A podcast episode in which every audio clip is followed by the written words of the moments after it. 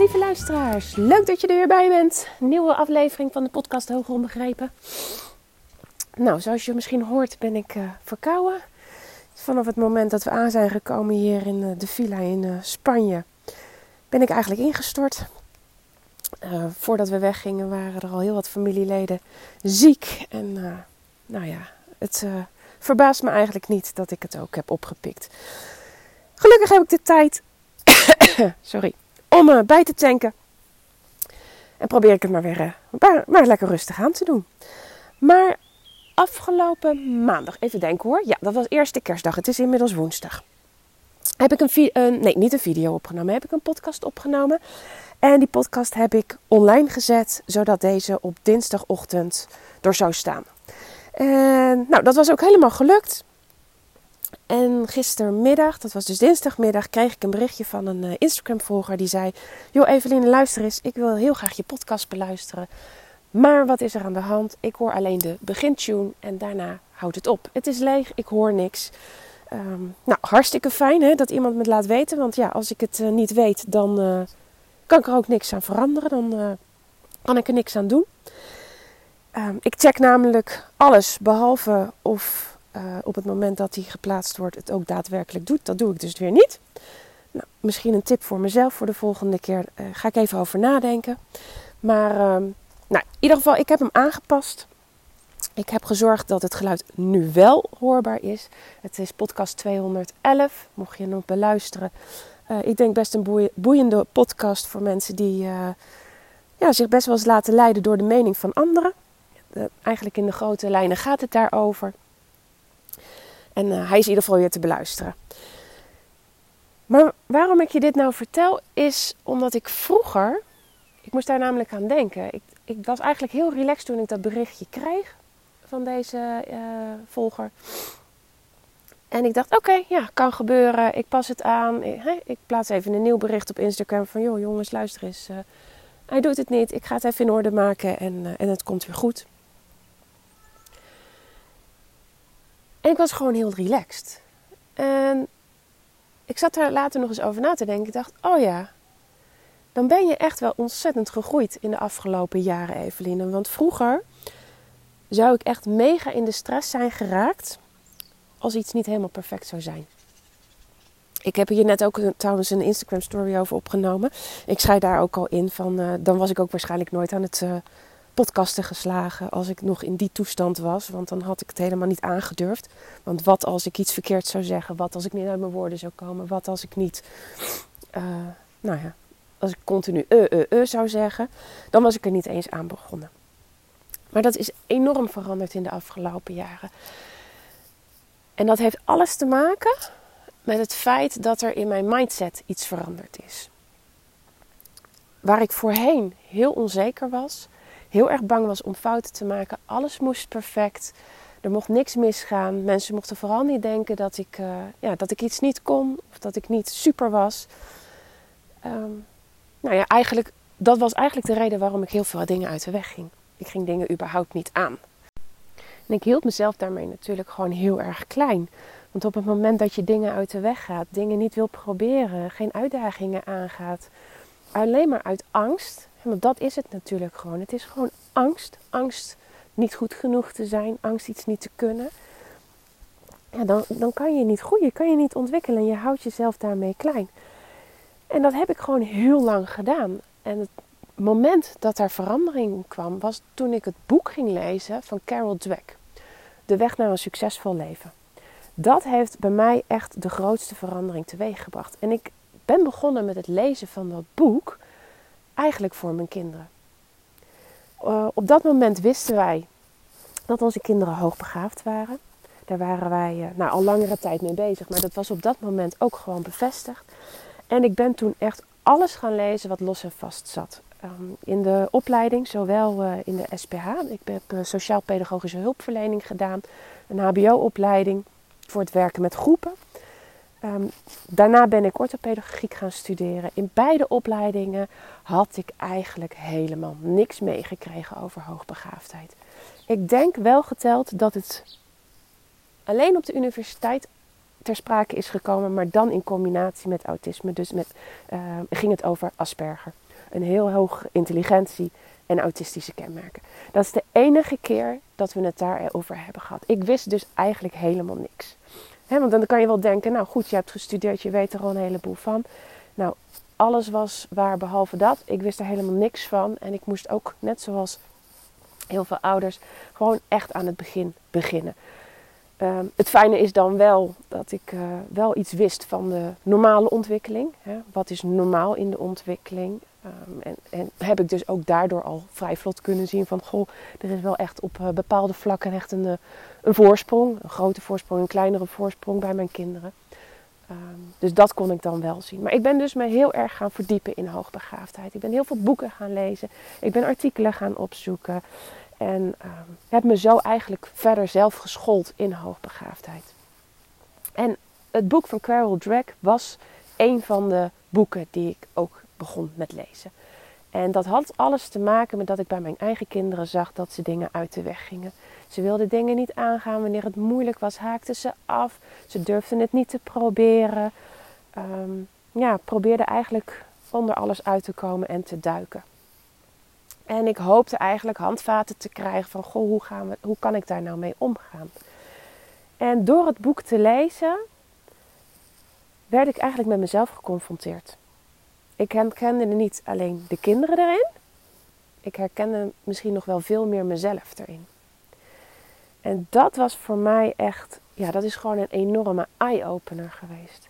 Een eye-opener geweest wat, wat ik deed en wat ik mezelf eigenlijk tekort deed.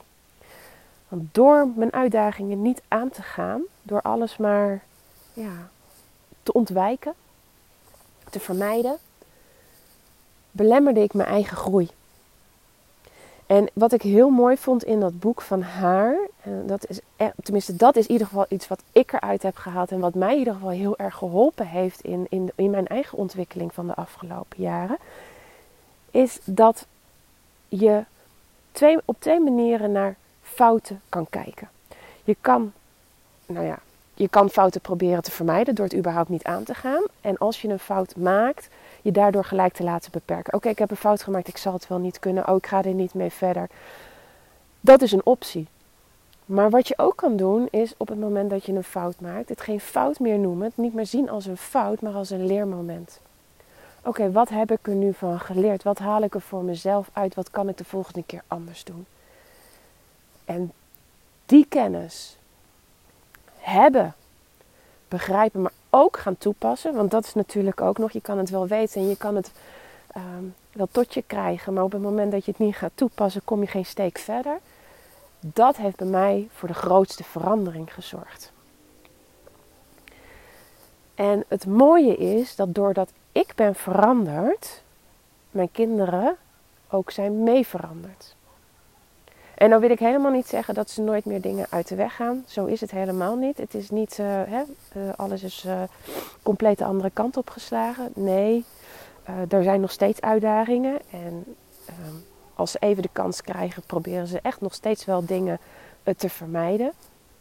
Maar ze zien mij, ze hebben mij als voorbeeld. En ik kan daar ook elke keer weer terug naar aan refereren. Van hé, hey, kijk eens, maar denk je dat mij alles alleen maar zo komt aanwaaien? Hoe denk jij dat dit en dit mij uh, gelukt is? Ik haal ook heel vaak aan uh, mijn podcast. Uh, zij zoeken hem nog wel eens op op Spotify. Vinden ze heel grappig om mij daarmee te plagen. Want ik vind het verschrikkelijk om mezelf terug te moeten horen. Zeker in gezelschap van anderen. En dan zetten ze hem op. En dan zeg ik wel eens, nou luister maar eens naar mijn eerste podcast. En luister nou maar eens naar mijn laatste podcast. En dan horen ze het verschil daarvan het komt me niet aangewaaid, maar ik ben het gaan doen. En ik heb fouten gemaakt en ik heb ervan geleerd. En dat kan jij ook. En, en dat is heel erg waardevol.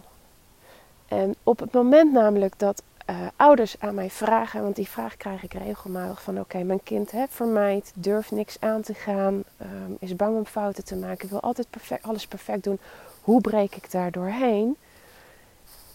Ja, dat, daar ga je niet alleen maar met inzicht uh, doorheen breken in de zin van uh, fictie en growy. En ik geloof daar niet in. Weet je, dat zijn allemaal cognitieve wijsheden die kinderen feilloos kunnen opdoen en kunnen opdreunen, maar daarna kunnen handelen is nog een heel, heel groot verschil.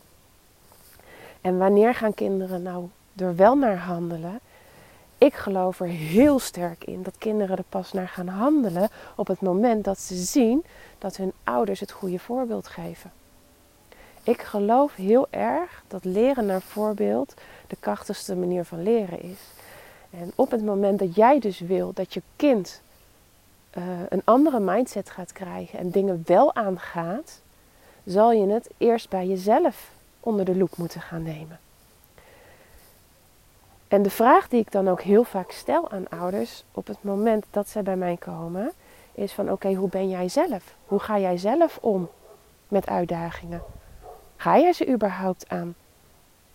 Wat doe jij als iets niet lukt? Geef je op of geef je niet op? En dat is ook echt serieus een vraag eh, voor jou. Ik neem aan dat je door de titel geraakt bent of geïnteresseerd bent geraakt in deze podcast. Dus je luistert hem niet voor niks. En kan jij voor jezelf deze vragen beantwoorden? Hoe ga jij om met uitdagingen? Hoe ben jij? Wil jij altijd alles perfect hebben? Ben jij iemand die, als het één keer fout is gegaan, de handdoek in de ring gooit? Of ben jij een doorzetter? En als je eerlijk, helemaal eerlijk bent en antwoord kan geven op deze vragen, dan weet je ook precies wat er voor nodig is om hiermee verder te gaan. En heel, heel, heel vaak, als ik deze vragen aan ouders stel, dan zeggen ze tegen mij: Ja, eigenlijk lijk ik heel erg op mijn kind. Ik ben eigenlijk geen haar anders. Ze hebben het niet van een vreemde. En dat is mooi. Want dan weet je ook dat de verandering in je handen ligt en dat je er invloed op hebt. En ga dan eerst met jezelf aan de slag. Ga eerst kijken wat jij hierin zelf kan veranderen. Dat is uiteindelijk ook, ehm, als ik er dan met ouders ook dieper op inga, ook de stappen zijn die genomen moeten gaan worden. Ik hoef niet met het kind aan de slag. Ik hoef het kind niet te leren van Crowley en fictie. Ik moet zorgen dat die ouders begrijpen wat ze aan het doen zijn. En als jij als ouder begrijpt wat je aan het doen bent, en dat jij het voorbeeld bent voor je kind, want je kind leert van jou, van jou als voorbeeld, dan begrijp je ook dat als je een ander voorbeeldsgedrag gaat laten zien, dat die verandering bij jouw kind ook gaat komen.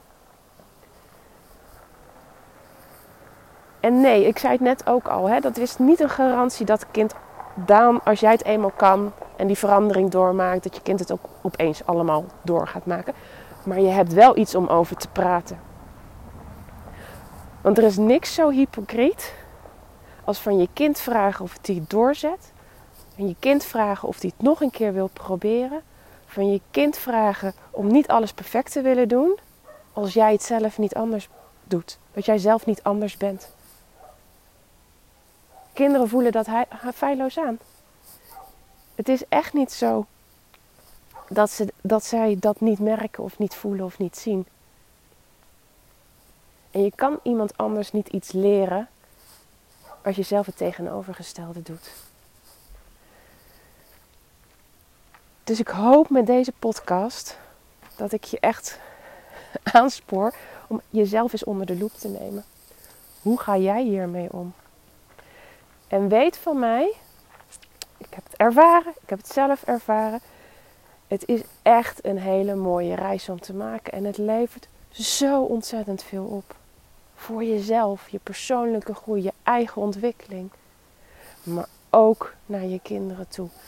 Want als je dit je, kinderen mee kan geven, vanuit eigen voorbeeld, van kijk eens wat ik bereik, alleen maar door door te zetten als het moeilijk wordt, door niet bang te zijn om te falen, niet te verwachten en te streven naar perfectie. Dan geef je iets heel moois mee waar ze later echt hun voordeel mee kunnen doen. Maar de verandering begint bij jou. Ik geloof daar volledig in. Jij bent de sleutel tot verandering. Oké, ik ga het hierbij houden. Dankjewel weer voor het luisteren. Als deze podcast waardevol voor je is, dan zou ik je willen vragen: wil je de podcast alsjeblieft beoordelen? In Spotify kan je dat doen door uh, naar boven te scrollen, boven de laatste podcast. Dan kan je sterren aanklikken. Ik zou het heel fijn vinden als je dat voor mij wilt doen. Als je deze podcast wil beoordelen, hoe waardevol dit voor je is. En hoe hogere rating ik krijg, hoe makkelijker deze podcast gevonden gaat worden voor andere ouders. Dus um, nou, als je dat voor me wilt doen, heel, heel fijn. Dank je wel daar alvast voor. En dan uh, wens ik je voor nu nog een hele fijne dag. En we spreken elkaar snel weer. Groetjes, doei doei!